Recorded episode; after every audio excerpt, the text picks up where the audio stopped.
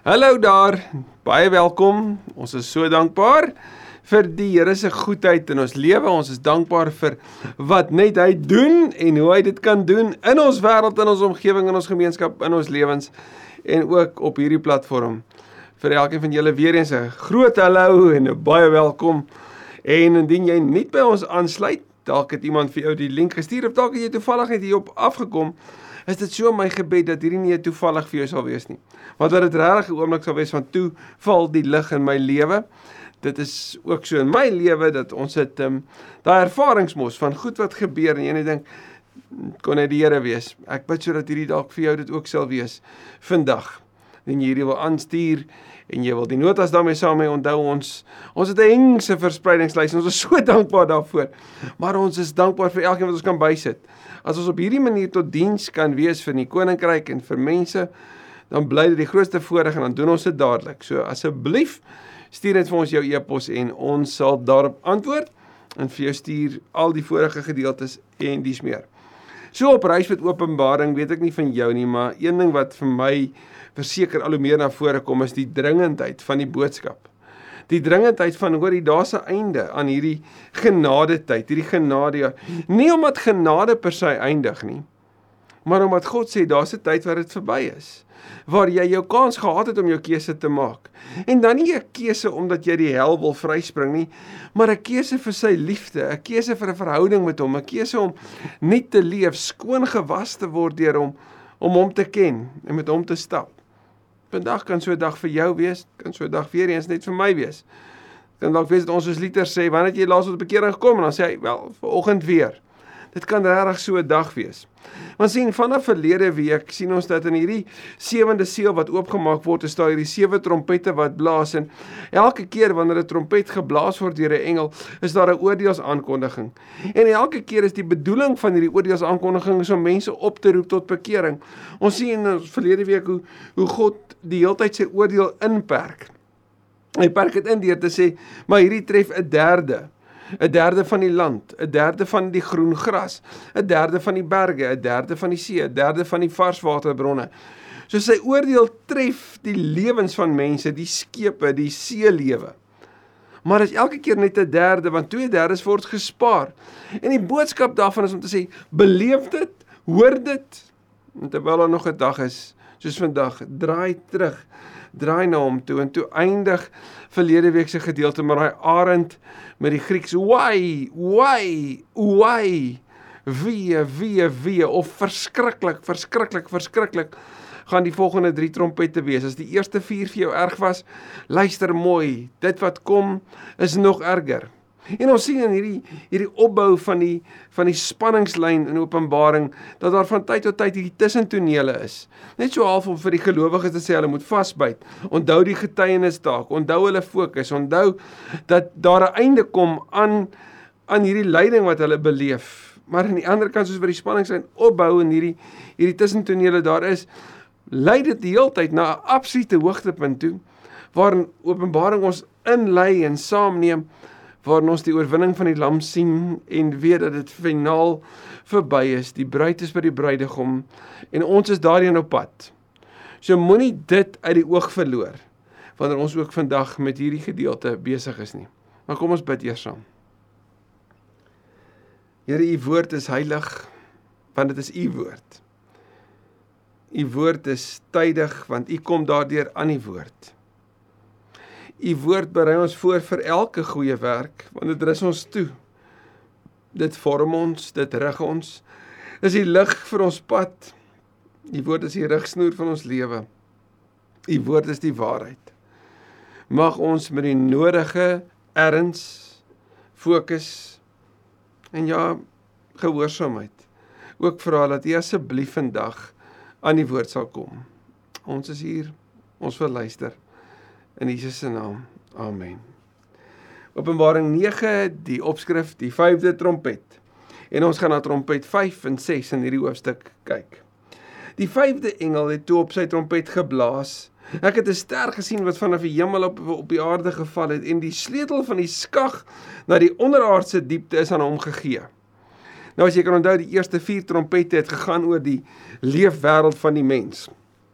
En as jy kan onthou, die die die heelal of die beskrywing van die werklikheid deur Openbaring is drie vlakke. Hierdie boonste deel wat die hemel is waar God is, jy die aarde waar die mense is en natuurlik al die natuurkragte teenwoordig is en dan het jy onder die aarde waar die duisternis is. So as daar gepraat word in die doodryk van die onderaardse skag, dan is dit ook vanuit die Joodse apokaliptiek 'n werklikheid waarin hulle geglo het dat dat die bose magte is vasgebind en hulle is in die see vasgemaak. So daar's iets van 'n onder die aarde is die duisternis teenwoordig en nou sien ons daar's 'n skag wat die sleutel van gegee word vir hierdie ster wat vanaf die hemel geval het. Nou sommige sou sou reken dat hierdie dalk 'n verwysing is na die Satan. Ek bedoel daar is baie keer hierdie belewenis van sterre wat val of beweging van lig in die in die donker wat dalk iets daarvan kon kon sê. Ek ek dink daaraan Lukas 10 wat Jesus sê hy die Satan soos 'n weerligstraal sien val. So dit kan verseker 'n beskrywing aan hom wees en hier's die interessante is die illusie van mag. Want sien, hy het nie die sleutel op sigself nie. Dis vir 'n tyd aan hom gegee. So sy mag word ingeperk en sy mag besit hy nie uit homself uit nie. Dis vir hom gegee. En en dit is om oop te maak en en natuurlik hierin gaan ons kom sien dat hulle wat die gelowiges vervolg het, gaan self nou ly onder die bose waarin hulle gehoorsaam was en waarin hulle gehoorsaam was so die onderaardse dieptes aan hom gegee. Hy het die skag na die onderaardse diepte oopgemaak. En daar het rook uit die skag uit opgestyg. So as daar rook is, dan is daar vuur. Dan is daar 'n teken van van 'n brandende oond, nie waar nie? Iets wat 'n baie baie weet reële beskrywing eintlik is van van van donker en van straf en van oordeel. Dit is eintlik 'n angswekkende prentjie hierdie. Soos die rook van 'n groot oond. So dis 'n rook van vergelding wat wat wat hier uitstyg wat vir die lesers daarvan wil sê die onderaardse realiteit jy wil dit met alles in jou vermy. Deur die skagse rook is die son verduister en die lig donker geword. En kan ons dit maar vir mekaar sê? Net so op 'n metaforiese vlak dat wanneer die duisternis 'n realiteit word in jou lewe, dan is dit wat mooi was nie meer mooi nie. Maar selfs die die lig van die son word vir jou donker en verduister. Word jy daardeur vertroebel. En kan jy nie sien wat jy regtig moet sien nie. Selfs die lig het donker geword en ons het verlede keer gesien hoe duisternis so 'n teken is van God se oordeel. Toe daar uit die rook sprinkane oor die aarde uitgeswerm. Aan hulle is dieselfde vermoë gegee as wat aan die skorpioene op aarde gegee is. Nou ons het verlede keer gesien hoe die skorpioene mag gekry het en in die wêreld van die Middellandse See was skorpioene oral 'n uh, 'n sigbaar gewees in 'n realiteit. So mense ken die pyn van 'n steek van 'n skorpioen se angel. En nou het ons sprinkane, so sprinkane wat kan rondswerm tussen mense met die vermoë om te pynig soos wat skorpioene doen. En hierdie keer is die sprinkane se fokus nie die land nie, maar mense. Ons is sprinkane wat soos Amos dit ook vir ons so duidelik gemaak het en jy moet regtig Amos lees saam met Openbaring, dan sien jy daar ook die die genadige uitstel van die oordeel. Jy sien God se inperking en God se oproep tot bekering net soos wat Openbaring wil doen. En daarin gebruik Amos ook veral die skaapboer Amos gebruik die beeld van sprinkane daar ook as beeld van oordeel.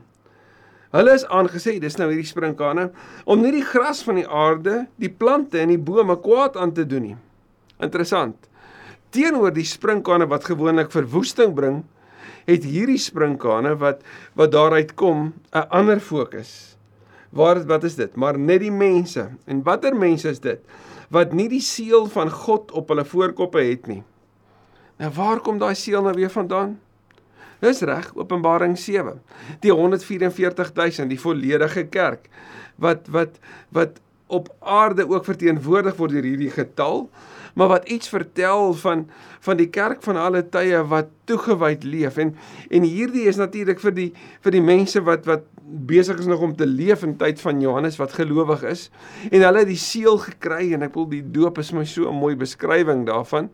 En hoor mooi, hierdie wat die seël gekry het, word nie benadeel of vervolg of veroordeel of geraak deur die sprinkane nie. Hulle spring dit vry. God se oordeel is nie op die gelowiges nie. Sy oordeel is op die ongelowiges. Dis hulle wat hy wil straf en gaan straf en vir wie hy waarsku hierdeur deur hierdie sprinkane. So hulle mag nie God se mense tref nie. Want God se mense is reeds getref deur die wreedheid van die bose, deur die wreedheid van die ongelowiges wat hulle vervolgend te nagekom het. Hulle is nie toegelaat om die mense dood te maak nie. Kyk mooi. Selfs die die magte word ingeperk om die ongelowiges se lewe te spaar. Hoekom? Ja, jy's reg. Omdat God hulle tot inkeer wil roep. Maar daar's pyniging wat voorlê. En is dit nie so ook in ons eie lewe dat pyn ons baie keer dik weet net weer terugneem na God toe nie? Maak ons bewus van van die tydelikheid van ons lewe vir ons eie onvermoë om dinge te beheer en dat ons die Here nodig het. So pyn is nie net sleg nie. Pyn kan ons verseker terug na, terug herlei na die Here toe. So die Here sê hier, hulle mag nie doodgemaak word nie, maar wel om hulle 5 maande lank te pynig. Nou die 5 is 'n baie interessante syfer. Dit kan net 'n beskrywing wees van dis maar net toevallig 5 of dit kan wys op die tipiese lewensduur van 'n sprinkaan, die lewensverwagting van die sprinkaan van die Mediterrane wêreld, dat hy vir 5 maande lank geleef het. Of anders sou sê nee, daar was vir 5 maande lank hier in die omgewing van 66 na Christus Joodse opstand gewees waarin die Jode opstandig geraak het teenoor die Romeine en dat hierdie dalk iets daarvan wys want hierdie burgeroorlog het 'n effek gehad ook op die gelowiges wat te midde daarvan geleef het. Hoe dit ook al sê, hierdie is 5 maande wat hulle moet pynig. Die pyn wat hulle veroorsaak is soos die pyn wat van um, as 'n skorpioen 'n mens steek. So hierdie is 'n pynlike ervaring vir die ongelowiges wat nie na die Here toe draai nie. In daardie tyd sal die mense die dood soek en dit nie vind nie. Hulle sal verlang om te sterwe, maar die dood sal hulle ontwyk. Nou as jy die vorige gedeeltes al gekyk het, sal jy sien daar in hoofstuk 6 vers 15 en 16 was dit die mense van die aarde, natuurlik die ongelowiges, hulle wat ryk was en hulle wat arm was wat almal op dieselfde tyd gesê het, "Hemele bedek ons en berge val op ons." Hulle het alles probeer om van God se oordeel te ontsnap, maar hulle kon nie. Nou hier sien ons dat die goddelose wens om dood te kan gaan. Daar staan hulle die dood gesoek. Nou weet julle die stoïsynse filosowe in die tyd van die Bybel het gesê dat dit 'n edel ding was om jou eie lewe te neem. Edel om jou eie lewe te neem. Nou sien ons dat die goddelose wat die lewens van die gelowiges geneem het, nie die reg en die voorreg kry om hulle eie lewe te neem nie. Nee, hulle lyding moet voortduur. Hulle kan dit nie ontsnap nie. Hulle kan nie die pyn van hierdie wêreld ontsnap of die pyn van hulle vervolging ontsnap nie. Hulle vergelding as dit ware vir wat hulle gedoen het ontsnap nie. Nee, hulle moet dit deurleef. Hulle moet dit beleef. Natuurlik sodat hulle tot inkeer kan kom. Hoe ironies is dit nie dat hulle wat die lewe van ander geneem het word nie toegelaat om hulle eie lewe te verloor en die pyn van oordeel te ontsnap nie. Die sprinkane vers 7 het gelyk soos perde wat reg staan vir oorlog. Op hulle koppe was daar iets soos krone wat gelyk het asof dit van goud is. Hulle gesigte soos die gesigte van mense. Nou die interessante hier van dat die sprinkane kom uit die bose, uit die bose wêreld, die onderaardse diepte, uit daai skag uit. Hulle kom om oordeel te bring. Maar sien jy die voorgee hiervan? Kyk, hulle is asof hulle die kroon van die skepping is en dis wat daar oor die mens gesê word. So hulle gee voor asof hulle die kroon van die skepping is, maar hulle is dit nie. Maar hierdie is ook 'n skrikwekkende beskrywing wat die lesers moet moet hoor want wat Johannes gesien het en dis al wat hy doen. Ja, jy kan simbolies seker lyne gaan trek en sê hierdie beteken dalk dit. Sommige sou baie kreatief wou wees met hierdie beskrywing, maar uiteindelik sê dit eintlik iets wat Johannes gesien het. En wat hy gesien het was angswekkend hierdie mense wat wat die lywe van 'n sprinkaan het, maar gesigte soos mense. Dit dui bietjie iets van die Griekse mitologie waarin hulle mens en dier gekoppel het, nê. Nee, dit is ook so in die Egiptiese agtergrond wat ek en jy sou kry, selfs in die Romeinse wêreld, waarin mense 'n uh, uh, uh, iets sou skep wat 'n kombinasie is van dier en mens wat iets saamsit met 'n dieper beskrywing. Maar vir die Jode sou Elias metafories verstaan want hulle sou weet dat dit sprinkane bring verwoesting Maar die gesigte van mense beteken dit word dikwels ook deur mense gedoen. Hulle het lang hare gehad soos vrouens se hare. Nou hierdie beteken nie dat net vrouens se lang hare gehad het, dit beteken dit was opmerklik geweest. Jy kon dit sien. So hulle vertoon met die kroon en die gesigte van mense, die voorgee. Die lang hare was vir almal sigbaar. En hulle tande was soos die van leeu's. Dis kom sê iets van hulle is angswekkend. Hulle is magtig. Hulle is skrikwekkend. Wreed, maar met krones en voorgee so 'n bietjie van 'n deurmekaar spelletjie dink jy nie? En dis presies wat die bose bring. Dit bring verwarring. Hulle borskaste was soos eysterharnasse wat onmiddellik vir jou meisie hierdie springkane het gekom vir oorlog. Nou van die kommentaar reken hierdie is 'n beskrywing van Israel en die en en Rome se vyand die patriërs wat gekom het om om oorlog te maak. Interessant, die patriërs het 'n baie interessante vorm van oorlog ehm um, hoe hulle oorlog gevoer het gehad. Hulle sou onttrek uit die uit die toneel. In ander woorde, hulle sou gelyk het of hulle vlug wat beteken dat die aanvallers wat die Romeine in die tyd van Johannes sou wees nader sou kom. Maar die patriërs was was meesters gewees in die kuns van om terug te kyk en die pyl en boog te skiet. So terwyl Rome gedink het hulle val aan en die patriërs hardloop weg vir hulle af of vlug vir hulle, was hulle eintlik besig om in 'n lokval ingelei te word, want die bo sou soos reën op hulle geval het en hulle doodgemaak het. Kyk mooi wat word hier beskryf. Hulle borskaste was soos eysterharnasse, die gedreun van hul vlerke was soos die gedreun van baie strydwaans met perde wat opruk vir oorlog. En kyk hoe word hierdie metafoor verder beskryf. Hulle het sterte met angels soos die van skorpioene en in hul sterte is hulle vermoë om die mense 5 maande lank kwaad aan te doen. So jy sien weer eens daar daai daai angels kan dalk verwys na daai pyl en bo wat wat op die op die Romeinse soldate sou val, soos wat hulle die patriërs nagevolg het of op agtervolg het. Maar dit sê iets anders ook vir jou en my. Daar's 5 maande. So daar's 'n inperking in die tyd van van wat mag gebeur en hulle lewens mag nie geneem word nie. So daar's selfs 'n inperking in die intensiteit daarvan. Weereens genade te midde van die vergelding. Genade te midde van hierdie groot waarskuwing van wat kan kom en gaan kom as jy nie tot bekering kom nie. God se goedheid en genade selfs binne die grootste storms van ons lewens ook teenwoordig. Hulle die engel van die onderaardse diepte as skoning oor hulle.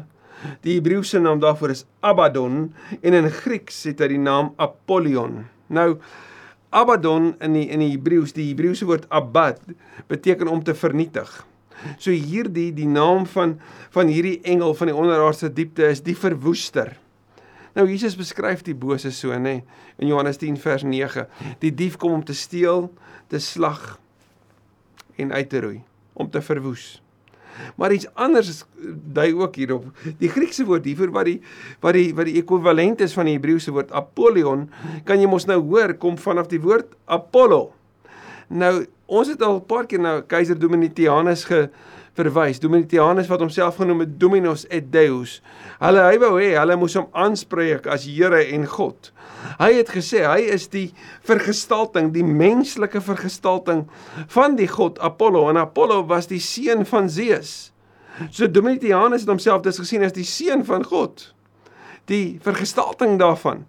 Maar die beskrywing van hom is die verwoester. Die een wat verwoesting meegebring het die donker realiteit met ander woorde hier wat Johannes sou kon beskryf is natuurlik die Romeine wat soveel donker kom kom pleeg het. Maar daar's 'n ander kant vir hulle wat hulle mag so misbruik. Vir hierdie bullies word die einde aangeroep en daar word gesê dat hulle in wie se diens hulle staan, daai daai daai bose realiteit, die bose kom om vergelding oor hulle te bring wat die bose gevolg het.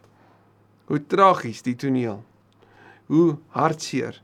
Hoe dringend die oproep tot inkeer. Die eerste wee is verby. Kyk, daar kom nog twee. Onthou daai oei, oei, oei van die van die arend aan die einde van die vorige hoofstuk. En dan die sesde trompet waarop die vorige trompet gefokus het op pyniging. gaan die intensiteit nou na 'n volgende vlak toe, naamlik na die dood en dit gaan vir jou en my natuurlik herinner aan daai vierde seël wat oopgemaak is. En daai toe oopgemaak is toe word daar vertel van van die propaganda wat gelei het tot hongersnood en en inflasie wat gelei het tot oorlog en uiteindelik daai valperd die dood en alles wat daarmee saamgaan. So dit sluit so daarbey aan by oorlog. Toe die 6de engel op sy trompet geblaas en ek het 'n stem tussen die vier horings van die goue altaar voor God gehoor. Nou hierdie goue altaar gaan ek en jy in Eksodus 30 sien vers 1 tot 3. Hierdie is die wierook altaar en ek en jy het uit vorige gedeeltes gesien dat daar hier in hierdie wierook bak voor God die gebede van die gelowiges was. So is hierdie die engel wat toegepraat het, moontlik. Maar die belangrike is daar's 'n goue altaar voor God en hier kom 'n stem daaruit. Die stem het vir die 6de engel van die trompet het gesê: "Maak los die vier engele wat by die groot Eufraat rivier vasgemaak is." Hierdie vier engele is nie die engele wat die vier windrigtinge vasgehou het nie. Nee. Hierdie is engele wat vasgebind is. Nou ons het nou-nou gesê, vanuit die Joodse apokaliptiek het hulle geglo dat die bose gebind is dat hulle gebind is by waterbronne en dat hierdie hierdie engele gebind is by Eufraat kom sê iets van Israel se verstaan van hulle self. Want jy gaan al so vroeg as in Genesis lees van die Tigris en die Eufraat rivier. Dis die twee riviere wat grense was van Israel en vir Israel. Dis baie simbolies vir hulle want dit het hulle onderskei van hulle vyande. Dis ook die plekke waar hulle oorlog gevoer het en waar hulle hulle eie land moes beskerm. Dis die plek waar die patriërs hulle sou inval. So hoor mooi dat daar agter dit wat hier beskryf word 'n magdom stories is wat gebeur het verhale oor die jare wat by die Eufraat gebeur het. So, hierdie vier engele word losgemaak. En hulle word natuurlik as bose engele losgemaak om vergelding te bring. Die vier engele wat gereed gehou is vir hierdie uur en dag en maand en jaar is toe losgelaat om 'n derde van die mensdom dood te maak.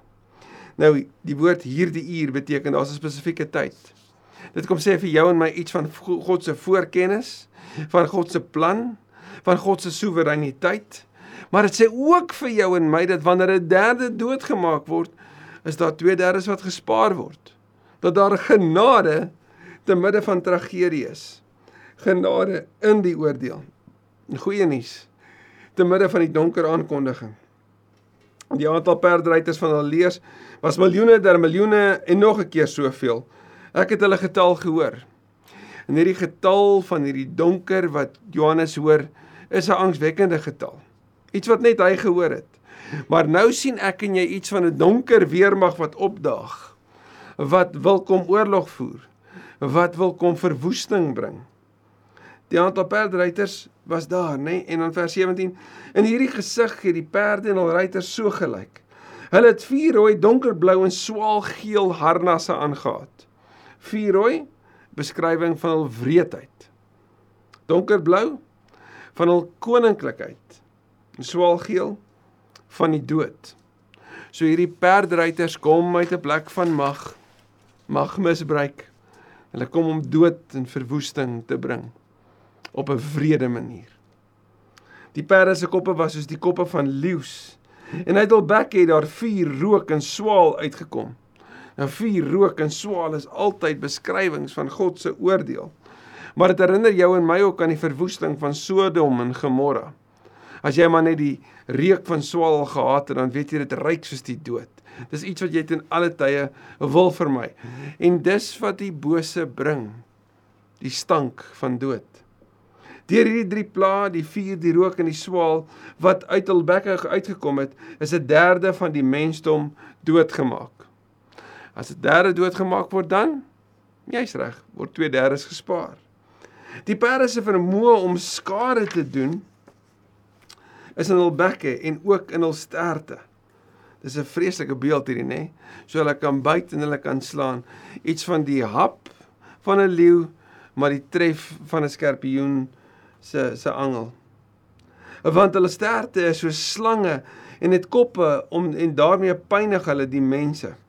Nou hierdie die sterte wat van agter af kom, herinner dit aan die patriarge, die patriarge as soldate wat gelyk het of hulle vlug, maar wat agtertoe kon skiet en hoe daai pile dan op jou gereën het. So dit kan 'n beskrywing wees van die tyd van Johannes. Die ander mense wat nie deur hierdie plaag doodgemaak is nie, het hulle egter nie bekeer nie. Hulle het aangehou om die aanbidding van bose geeste en van afgode wat hulle self gemaak het van goud, silwer, koper, klip en hout en wat nie kan sien of hoor of loop nie. Nou hier is die tragedie. God perk sy oordeel in.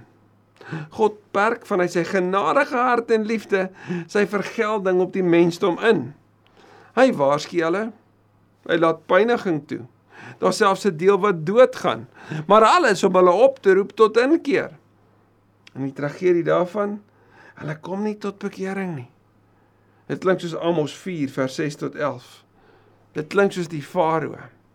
Dis die hartseer. Ek wil ons het nou al die verwoesting van die mensdom soveel keer in Openbaring raak gesien. Maar kan jy sien hoe hartvogtig die mens is dat die mens sê te midde van die feit dat alles wys dat ek 'n redder nodig het, Ek kies om dit op my eie te doen. Ek kies om my rug op God te draai. Ek kies om te doen wat vir my werk en wat ek voor lus is. Ek het hom nie nodig nie. En ek is bereid om my rug op sy liefde te draai en sy oordeel in die gesig te staar. Want sien as jy nie God se liefde en die liefdesdaad aan die kruis aanvaar nie, dan stel jy jouself bloot aan God se toorn. Want sy toorn sê My brandende liefde vir jou is so so sterk dat as jy dit verwerp, dan verwerp jy my. En as jy my verwerp, dan is my toorn die volgende wat in jou lewe gaan gebeur. Angswekkende dag vir elkeen wat hulle rug so op die Here draai. En dan vers 21 Hulle het hulle ook nie daarvan bekeer om moord, dis die 6de gebod, towery, dis die 2de gebod, onsedelikheid, die 7de gebod en diefstal, die 8ste gebod te pleeg nie. So hulle was die heeltyd besig met die donker. Nou daar word gesê dat die wrede vervolger van die Jode Antiochus Epiphanes bitter siek geword het en hy het gesê dat as die Here hom daarvan gesond maak sal hy 'n gelowige Jood word. So die pyniging van sy siekte het hom tot bekering gebring of tot inkeer of tot 'n maat weet 'n vlak van 'n ommekeer in sy lewe. Hierdie man wat so wreed was en wie se daarin net nie sin gemaak het nie. Toe die nood en die pyn sy lewe tref, toe draai hy om. Hierdie mense is nie soos Antiochus Epiphanes nie. Te midde van die pyn, die lyding, die verwoesting, alles wat hulle om hulle sien, kies hulle steeds om nie na die Here te draai nie. En voordat ons na die sewende seël toe beweeg, gaan Johannes vir ons weer 'n tussentoneel gee. So 'n bietjie weer van 'n asem skep. Hy gaan gelowiges vir jou en my herinner dat te midde van hierdie wêreld, want hierdie goed wanneer hierdie om jou gebeur, onthou jou sendingtaak. Onthou hoekom jy hier is. Onthou jou boodskap en gryp die geleentheid aan. Ek hoop om jou volgende week weer te sien. Kom ons bid. Dankie Here Jesus dat ons vandag net weer kon hoor dat daar altyd genade op te midde van die pyn is dat daar altyd 'n geleentheid is, 'n oomblik soos vandag waarin ek kan sê Here, ek is jammer. Here, vergewe my. Here, ek draai weg van my wie en ek draai na U toe. Ek kies om U te volg. Ek gee my lewe. Ek steek my hande uit en sê Here, kom vat my hand. Ek glo dat U vir my gesterf het. Ek bely dat U opgestaan het. Dat U die Here is en dat U leef. Kom lei ons Here om te midde van wat in ons wêreld aangaan wat ons nie verstaan nie wat by tye vir ons regtig lyk soos hierdie beskrywings van Openbaring so amper asof Johannes geskryf het vir vandag dat ons ook daarin u woord en u boodskap hoor. Dat ons as kerk moet lig lewe te midde van die duisternis. Dat ons as kerk nie moedeloos moet word wanneer wanneer dit vel teen ons by tye raak nie. Dat ons as kerk weet ons het 'n Here wat sê daar kom 'n einde hieraan. En dat vir elkeen wat nie glo nie, die groot waarskuwing staan. Is jy bereid om God se liefde te verwerp sodat jy sy wraak, sy toorn in die oë moet staar? Mag ons die erns daarvan hoor. In Jesus se naam. Amen. Amen. Ek koop jy so 'n mooi week.